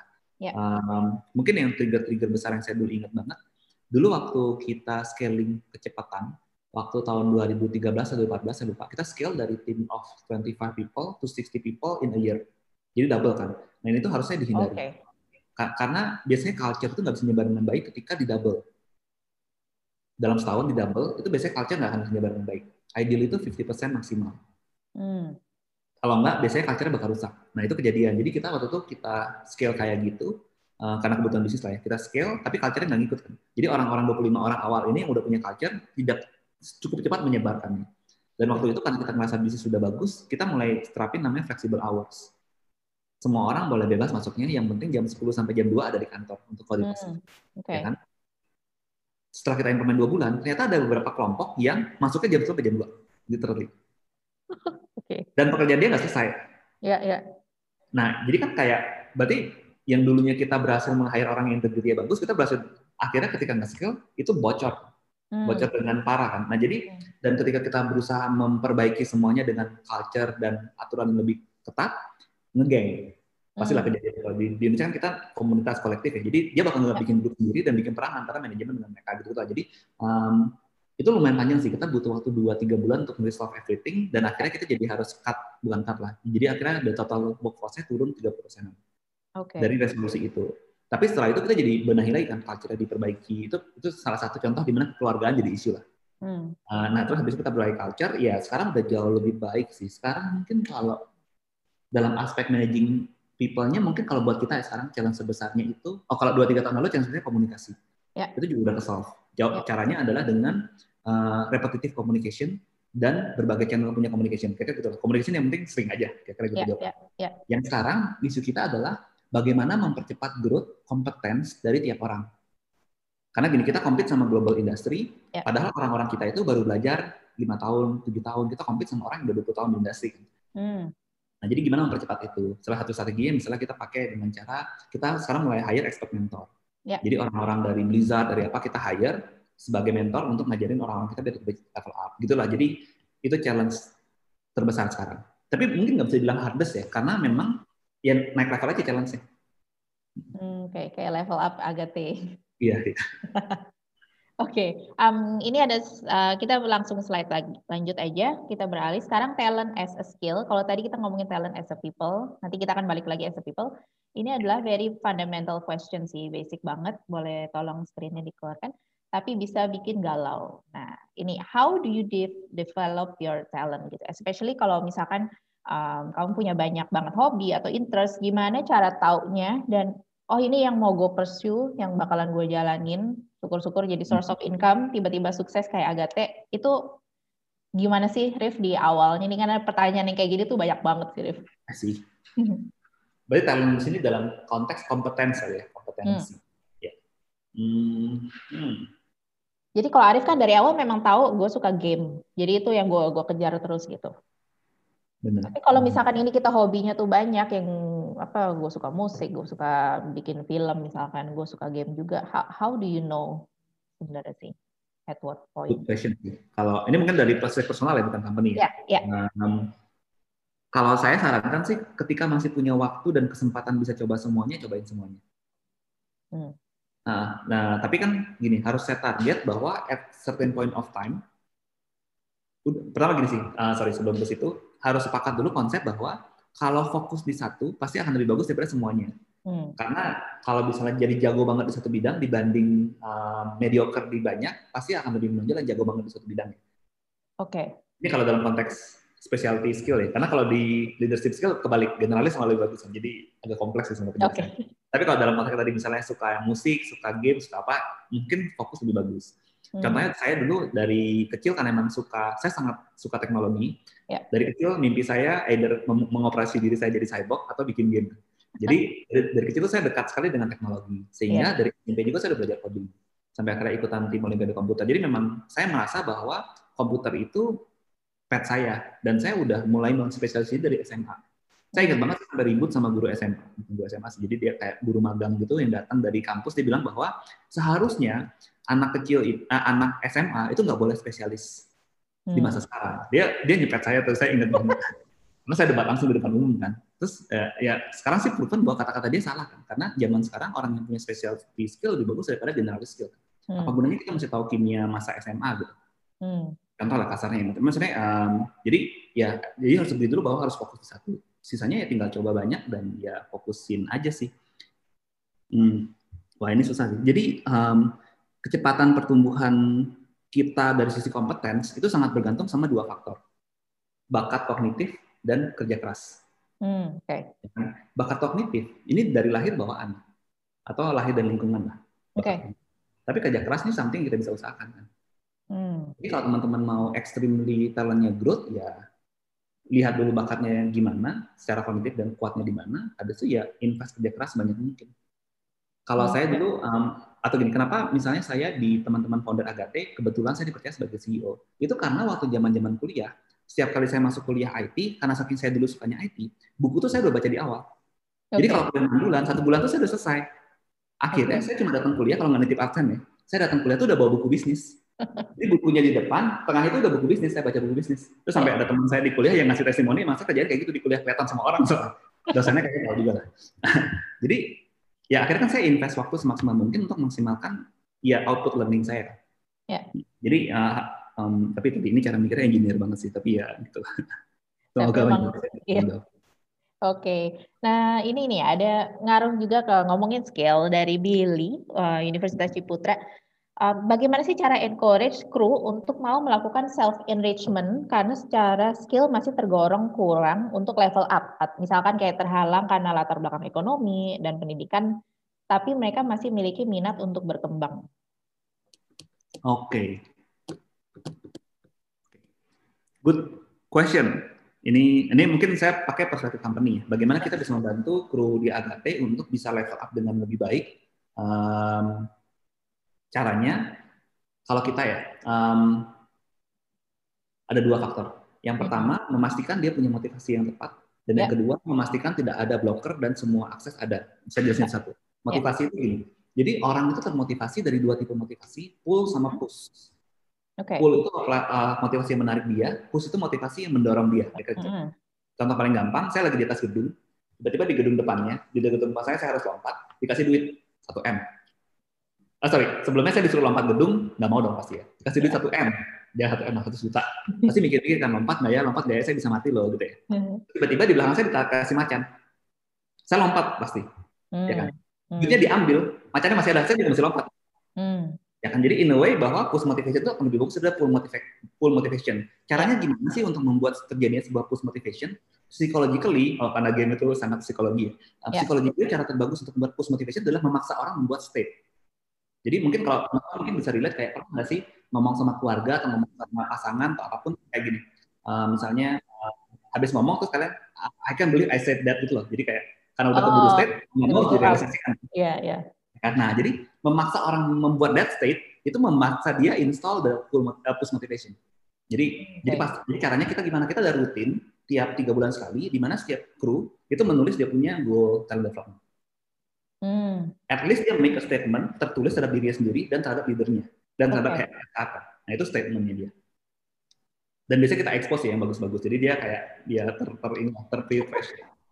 Di satu sisi adalah menghilangkan blocker. Saya menghilangkan blocker itu adalah kalau ada kru kita yang mau belajar something, asal ada budgetnya sih, tapi pasti dibeliin. Buku dibeliin, course hmm. internet dibeliin. Ya. Uh, pokoknya semua blocker dihilangin. Bahkan kalau saya mau ketemu sama mentor yang seperti ini, kita cari mentornya. Jadi ya. memastikan bahwa aksesnya selalu ada. Jadi dua ya. itu sih, motivasinya ada, aksesnya ada. Ya. Sisanya tersedia. Oke, okay, oke. Okay. Siap. Semoga menjawab. Um, uh, sekarang ini ada pertanyaan mengenai gamenya sih. How do you dari Eva Situmorang, how do you combine the capability of translating the will of consumer, combining fantasy, challenge, and technology in your product does it take differently yeah, sorry does it take uh, does it take different talent respectively or only one person for each product atau game thank you it's a very very good question sih um, jadi jawabannya it takes multiple person Dan memang prosesnya itu proses perkawinan ide sih dan perkawinan perspektif. Ya. Jadi serunya di game industry itu adalah ketika kan game itu adalah teknologi meets art kan. Hmm. Di mana dan artnya pun juga aspeknya macam-macam ya dari ada art secara visual, ada art secara psikologi, ada art secara gaya komunikasi, storytelling, uh-huh. teknologi juga ada macam-macam kan. Jadi um, memang itu prosesnya selalu perkawinan ide sih. Ya.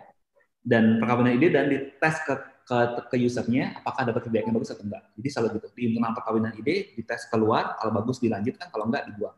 Hmm. Prosesnya sesimpel itu sebenarnya, tapi memang ya semoga menjawab. Oke, semoga menjawab Mbak Eva. Um, lalu kita ada dari Edgar Adi dari Unair. Untuk Kak Arif, apakah dengan sistem meritokrasi itu menyebabkan rotasi jabatan atau kewajiban di AGT secara berkala?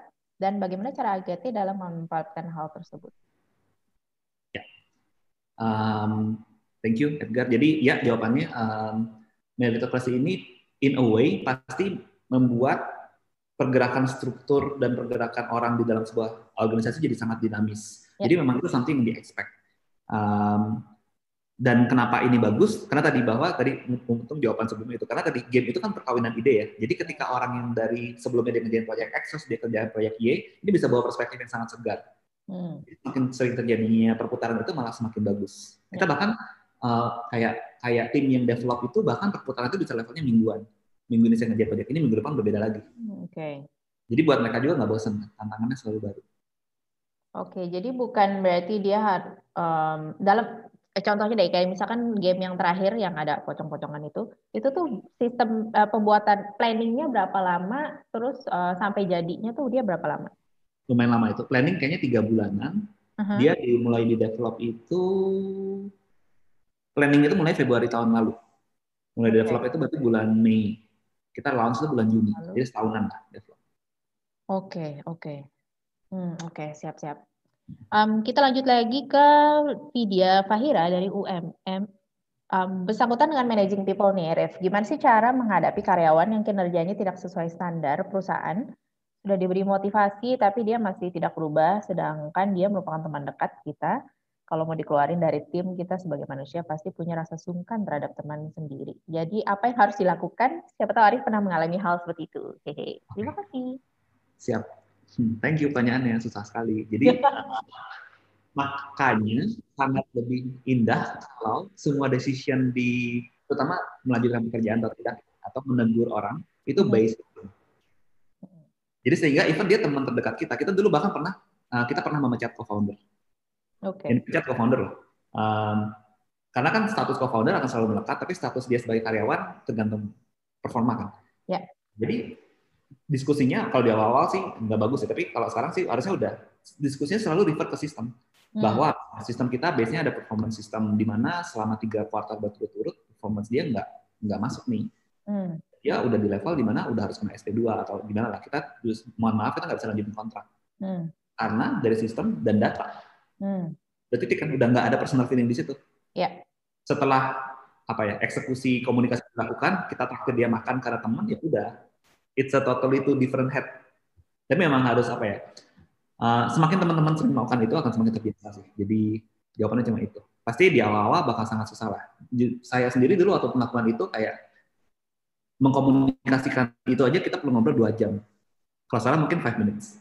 Hmm. jahat sekali ya five minutes ya, tapi ya gitu sih. Tapi kalau aku ngelihat sih dengan Arif itu dia Arif tuh di Agati udah bikin sistem sedemikian rupa dari awal udah dijelasin ke orang-orang jadi yang namanya hard feeling atau segala macam itu nggak akan terjadi karena udah clear di awal duluan ya. Benar. Mungkin lebih dari kitanya nggak enak kan pas nyampe ini. Ya ya ya. Nah udah bangun ya. bareng-bareng lebih ya. perasaan itu yang mix but then again karena bukti misalnya bukti itu seperti apa contohnya data atau apa menunjukkan Betul. bahwa nggak perform atau hasilnya hmm. tidak sesuai ya mau nggak mau dia ya harus, harus udahan. Hmm. Oh satu, salah satu cara untuk mengobati rasa uh, bersalahnya adalah um, bahwa perlakuan tadi terhadap teman baik anda itu hmm. sebenarnya justru perbuatan adil ada untuk orang-orang yang performanya baik. Hmm. Jadi okay. ada 10 orang ya. ya. Yang satu teman baik Anda yang performa jelek, 9 ya. orang lainnya itu performanya bagus. Hmm. Dengan memecat si orang ini, in a way sebenarnya kita mengapresiasi 9 orang lainnya bahwa kasih tahu thank you loh kalian pekerjaannya bagus, hmm. karena kalian bagus lah, dan ini contoh yang nggak bagus. Oke. Okay. Tapi kalau dia ditahan terus ya, karena teman baik, sembilan sembilan malah merasa ngapain gue ada di sini capek-capek kerja bagus, yang jelek hmm. aja ditahan, mendingan gue politik aja deketin si bos. Nah, bahaya kan malah jadi. Ya, ya benar-benar. Oke, okay. Itu itu benar banget sih. Oke. Okay, ya. Okay. Ya. Uh, ini dari Hana Unair. Dalam praktik mengidentifikasi dan ngembangin pegawai bertalenta, sering kali mendatangkan pertanyaan dan kekhawatiran yang mungkin bisa jadi faktor yang menghambat misalnya proses identifikasi pegawai uh, yang punya talent akan nimbulin kecemburuan atau uh, ada kelompok elit gitu. Gimana menurut uh, Arif? Ya, hmm, ini kita sempat kejadian di ya tadi tengah tengah perjalanan Agate lah Makanya hmm. tadi kita dengan sekarang udah implement meritocracy dan diimplement dengan sangat keras, hmm. uh, in a way jadi membuat orang-orang yang natural tendensinya adalah ngegeng ketika terancam keluar hmm. dari dirinya. Hmm. hmm. Oke. Okay. Karena dia tidak diapresiasi sama sekali. Oke. Okay. Tapi jadi apa ya? Ini sangat tidak terlalu cocok dengan culture Indonesia sebenarnya. Karena culture kita itu kan uh, kolektif ya, uh, hmm. sahabatan. Karena kita ada, kita bersama-sama saling support. Di sini ya. nggak yeah. ada kalau nggak meritnya bagus tuh nggak gue support. Kan beda ah. banget ya. Yeah. Tapi ya karena udah di establish itu jadinya aman. Tapi memang proses transisi dari culture bawaan kita sebagai budaya timur menuju mm -hmm. culture ini panjang prosesnya. Oke hmm, oke. Okay, okay. Tapi enaknya kalau culture udah kebentuk ya, siapa pun orang yang baru masuk ke bawah oke. Okay. Nah, jadi normal. Yang jadi lucu malah dia pas ketemu teman-teman saya pernah sih ketemu teman saya kayak reuni reuni SMA gitu kan. Uh, dan dia tahu karena saya kerja di startup, dia minta feedback terhadap produknya dia. Hmm. Awalnya kan ngobrolnya ngobrol santai, ngobrol nostalgia. Terus dia minta okay. feedback terhadap dia tunjukin saya produk kan. Saya yeah. lihat, saya boleh komen, boleh. Saya komentar, Terus dia bilang, wah sekarang lu beda ya komennya parah, komennya direct sekali gitu. Mm-hmm. Oh iya, kata-kata tidak direm. Jadi jadi jadi apa ya? Jadi sangat terbiasa untuk komen direct. Iya yeah, iya. Yeah. Oke, oke. Sekarang kita banyak banget nih pertanyaan mengenai game, Rev. Um, dari Gaos, Tipki, Unair. Ya, saya mau bertanya, untuk game kan pasti punya pasar yang dituju ya Kak Arif. Lalu pangsa pasar game Agati itu siapa? Dan bagaimana menentukan risk yang bakal muncul setelah bikin suatu game karena sudah pasti pasti sudah ada game-game yang memiliki konsep yang hampir sama. Hmm, oke. Okay. Jadi pangsa pasar yang kita tuju itu biasanya spesifik lebih ke uh, lagi mau target pasar yang lebih spesifik dipikirkan ketika mau bikin game seperti apa. Relatif uh, generally biasanya kita memang mencari pasar-pasar yang sifatnya itu kayak agak niche tapi punya potensi untuk grow. Oke. Okay. Dan kita biasanya mencari pasar-pasar yang komunitinya itu kuat dan bisa jangka panjang. Karena kita believe kalau kita compete langsung sama big player, kita nggak punya dana. Hmm. Jadi kita memang menargetkan contoh gamenya, contoh game seperti apa sih? Misalnya game yang mentarget orang-orang yang suka bola dari awal komunitinya udah ada kan. Hmm. Dan orang yang suka bola itu dari dia kecil sampai sekarang masih suka bola kan. Bisa hmm. diekspek 30 tahun lagi dia masih suka bola. Hmm. Nah jadi tipe-tipe market seperti itu kita target. Hmm, gimana cara menemukan diferensiasi? Nah ini sih the only jawabannya adalah creativity dan dites. Oke. Okay. Jadi contoh misalnya Memories ya. Memories itu kan sebenarnya platform cerita cewek yang uh, sebenarnya udah ada saingannya namanya Choices. Ada banyak loh saingannya di dunia yeah. ini. Dan kita waktu itu mikir diferensiasi terbesar kita adalah gambar kita gaya Jepang. Hmm. Karena Jepang nggak pernah ngeluarin platform kayak gitu. Jadi ada niche. Oh oke. Okay. Emang nggak, ya, mereka nggak ada ya yang ngeluarin. Okay. Jadi okay. mereka ngeluarin automate game, tapi bentuknya nggak platform, individual games. Hmm, oke. Okay. Yeah. Free to play gitulah modelnya. Jadi hmm. di tengah-tengah itu nggak ada. Kita coba. Nah daripada di awal kita langsung bikin game kan costly kan. Cara hmm. kita untuk tes tesis kita benar atau enggak, kita bikin iklan. Jadi kita hmm. ambil iklannya kompetitor, iklannya choices kita bajak. Hmm. Ini setengah ilegal, by the way, saya nggak tahu kita ambil, kita bikin iklan Facebook yang mengarahkan ke websitenya dia atau ke App Store dia, tapi kita bisa track dari iklan ini kalau dikasih 10 ribu mata, dia berapa persen yang klik. Ya kan? hmm. Terus di target market yang sama, kita pasang iklan kita. Iklan kita yang gambarnya, uh, bilangnya itu uh, gamenya udah jadi, seolah udah jadi, gambarnya yeah. gambar Jepang. Oke. Okay. Nah, kita lihat berapa yang klik. Walaupun diklik di 404, kita tahu berapa yang klik. Ya. Nah, yeah. kalau persentase kliknya itu untuk target market yang sama kita punya lebih besar, berarti ada yeah. chance. Ada chance okay. kita bisa keluar. Ah, menarik. Kalau ini kayak sepertiganya atau seperlimanya udah lah lima over lah, buang aja. Jadi sering Berapa lama sih testing yang kayak gitu? Cepat ini, kalau ini, kalau kita ngitungnya lebih ke, kalau ini nggak perlu pakai waktu, jadi berapa eyeball. Biasanya sepuluh ribu eyeball. Ah, oke, okay, oke. Okay. Dan sepuluh ribu eyeball tuh dia dalam berapa waktu? Bisa sehari, bisa. Oh, oke, okay, oke. Okay. Sip, sip. Hmm. Ini lanjut lagi untuk ada pertanyaan game lagi nih tentang game juga dari Ernanda uh, Ataya dari Unpar. Untuk Arif, kira-kira untuk game industri itu sendiri, bagaimana cara bersaing dengan nama game lain yang sudah dikenal sama banyak orang? Biasanya ide-ide itu muncul dari mana? Apalagi di PS4 ini dan untuk PS5 yang akan keluar mendatang, apakah ada rencana untuk membuat game di PS5? Terima kasih. Wah, ini bisa panjang nih jawabannya, spesifik soalnya. Um, Um, gimana caranya bersaing? Kalau dari jawaban generalnya sih tadi teman-teman pasti menemukan unique value, proposition-nya yang yang bekerja ketika dikomunikasikan dengan singkat. Jadi kayak misalnya itu istilahnya ditranslate jadi game marketing punya hook. Jadi kayak satu hmm. kalimat membuat orang tertarik. Hmm. Bisa ditranslate ke gaya visual yang membuat itu jadi bisa terngiang-ngiang di jangka panjang. Yeah. Bisa ditranslate sebagai sebuah gameplay yang membuat orang kalau main bisa menikmatinya dalam waktu yang lama. Hmm. Jadi menemukan EVP itu. Dan ini sebenarnya susah karena butuh talent yang banyak. Hmm. Um, pertanyaan keduanya, ide-ide itu muncul dari mana? Hmm. Hmm, dari sering-sering sesi brainstorming sih. Kan pasti semua orang kalau di Agatha pada main game ya. Jadi kan kalau makan siang juga pasti ada muncul-muncul ide-ide baru. Jadi ya. ide-ide itu muncul dari semua orang. Oh, mungkin saya bisa lompat lagi ke talent. Yang paling penting supaya membuat semua orang ngomongin ide adalah kita kita belum berhasil soalnya. Kita berusaha membangun lingkungan di mana psychological safety itu terjaga. Okay. Lingkungan di mana ketika orang ngomong dia tidak dijudge, uh, dia tidak merasa dirinya dijudge. Hmm. Jadi sini agak susah dibangun di lingkungan meritokrasi. Karena setiap pendapat dijudge kan. Iya. Yeah. Ya, tapi kan yang dijudge itu pendapat bukan personalnya yeah. loh. Jadi yeah, kalau mengatakan perasaan Anda terhadap pendapat Anda. Nah, ini semua orang nggak nggak yeah, mudah. Iya, iya, benar benar benar. Karena jadi, orang cenderung nggak kaitin ya, Rif ya. Maksudnya uh, misalkan ini jelek gitu, terus orang jadi yang, hah gue salah apa gitu. Padahal yang dilihat pekerjaannya atau kayak dia ngomong apa terus tiba-tiba ada orang lain bilang saya nggak setuju karena gini-gini oh, ini hmm. orang nggak suka sama gue bukan itu oke okay. Eh, mengubah itu lumayan lama tapi kalau udah yeah. berubah udah enak oke okay, oke okay. siap-siap semoga menjawab ya Nanda um, ini buat orang-orang apa teman-teman yang mau ikut Agate nih saya izin bertanya skill apa sih yang dibutuhkan di Agate lalu jurusan apa aja yang lebih diprioritaskan apakah tadi yang IT dan desain atau art ya. uh, kebanyakan IT art kalau desain ini malah bisa datang dari berbagai jurusan sih. Bahkan hmm. kayak produser film itu dari teater jurusan. Oh, oke. Okay. Jadi sebenarnya kayak gitu tuh bisa di, bisa dilatih juga kan sebenarnya meskipun bukan dari jurusan desain atau nah, justru game itu perkawinan ide sih. Hmm. Kenapa orang teater bisa membawa perspektif game yang berbeda? Karena tadi dia itu terbiasa untuk menghipnotis orang lagi lihat depan. Nah, jadi ketika game itu kan dia lihat. Yang hmm. penting mata kan. Oh ya, kenapa dia harus matanya ngeliatin si ini? Oh karena blockingnya itu harus begini supaya matanya ngikutin. Nah itu kan apa ya? Background yang terbawa karena jadi sendiri di teater. Hmm, kenapa okay. kalau ngomongnya harus keras? Kapan kapan lagi pause tensi secara musiknya biar hilang musik gitu, -gitu lah. Jadi um, jadi berbagai background sangat membantu. Tapi generally memang yang lebih kaitan sama teknikal sama art. Tapi kalau misalkan uh, itu kan hard skill ya. Kalau misalkan soft skill sebenarnya apa sih yang dibutuhin kalau di Agate? Um, hmm, good question. Kalau soft skill kita mungkin lebih lihat tadi sih uh, alignment dia terhadap kultur kita dan visi kita.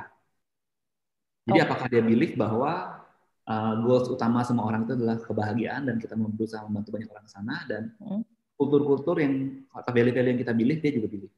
Dia believe bahwa biasanya hmm. positif itu kan benar-benar kayak kita melakukan meritokrasi tapi di luar pekerjaan kita tuh sangat setara. Jadi yeah. berusaha panggil semua orang nama, ya bahkan sama OB juga semuanya hormat. Ya. Nah, tapi dalam konteks pekerjaan enggak ada kasta gitu. Tapi dalam konteks okay. interaksi sosial tidak ada kasta. Kira-kira gitu sih. Jadi uh, value-value itu harus di believe secara soft kalau di Agate. Oke, okay. dan di apa value dan culture segala macam itu Arif apakah punya kayak buku Bible-nya di mana orang bisa eh gue lupa deh dulu value-nya apa sih gue buka yeah. lagi gitu. Itu ada nggak sih kayak gitu? Ada wiki sih kita online jadi. Oh, oke. Okay. Ya, ya. Oke, oke. Um, kita waktunya udah mau habis. Ini dua pertanyaan terakhir ya. Um, dari Stefani Eli, kalau Kak Arif uh, tetap gimana sih caranya biar tetap fokus pada bidang game, nggak pindah-pindah bidang di saat bidang-bidang lain tampak lebih hijau? Hmm, good question. Hmm.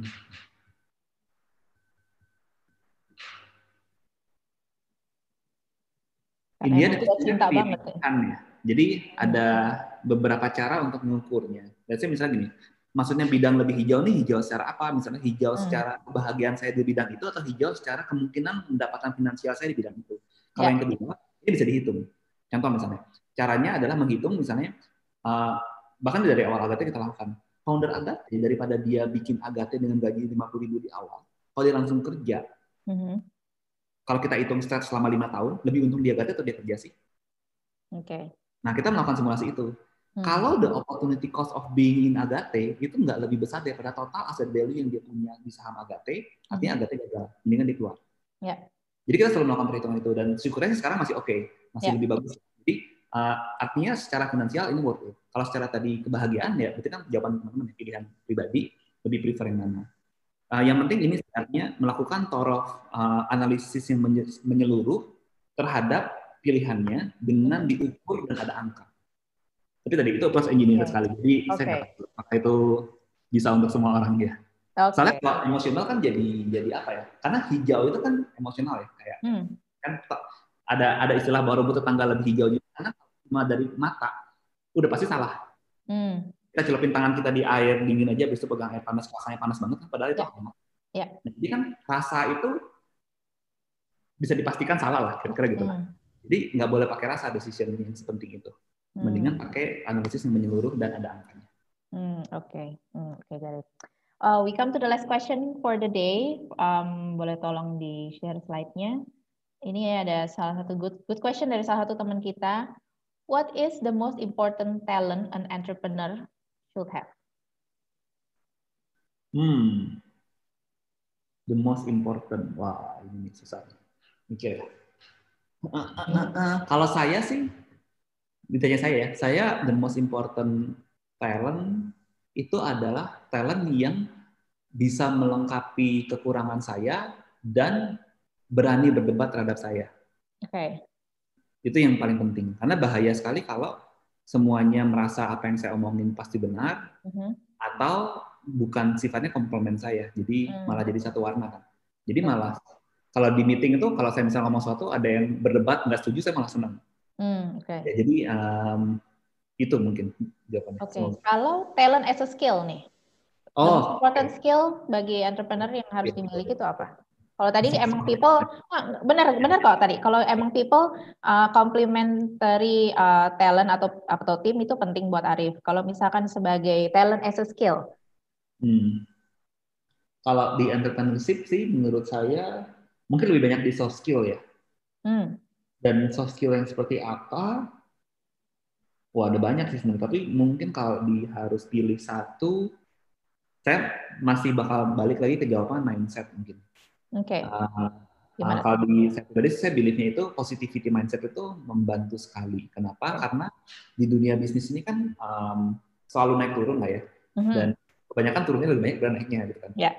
um, jadi punya mindset positif di mana selalu bukan berarti kayak apa ya kayak optimis bodoh gitu tapi tapi bisa melihat suatu keadaan dari dua sisi tapi mm-hmm. percaya bahwa sisi terbaiknya akan muncul dan yeah. bisa menyebarkan semangat itu ke orang lain ini yeah. penting jadi okay. karena dari perjalanan panjang dan ya itu penting sekali sih jadi gimana bisa membangun contoh misalnya kayak lagi launching something terus jam 3 pagi ada telepon ternyata lagi error dan kalau di momen itu kita malah marah-marah kenapa dibangun pagi-pagi ya berarti belum siap dong gitu. You just listen to Scale Up Podcast. Share dan bagikan pendapatmu di Instagram kami at Endeavor underscore Indo dan LinkedIn Endeavor Indonesia. Sampai jumpa di episode selanjutnya.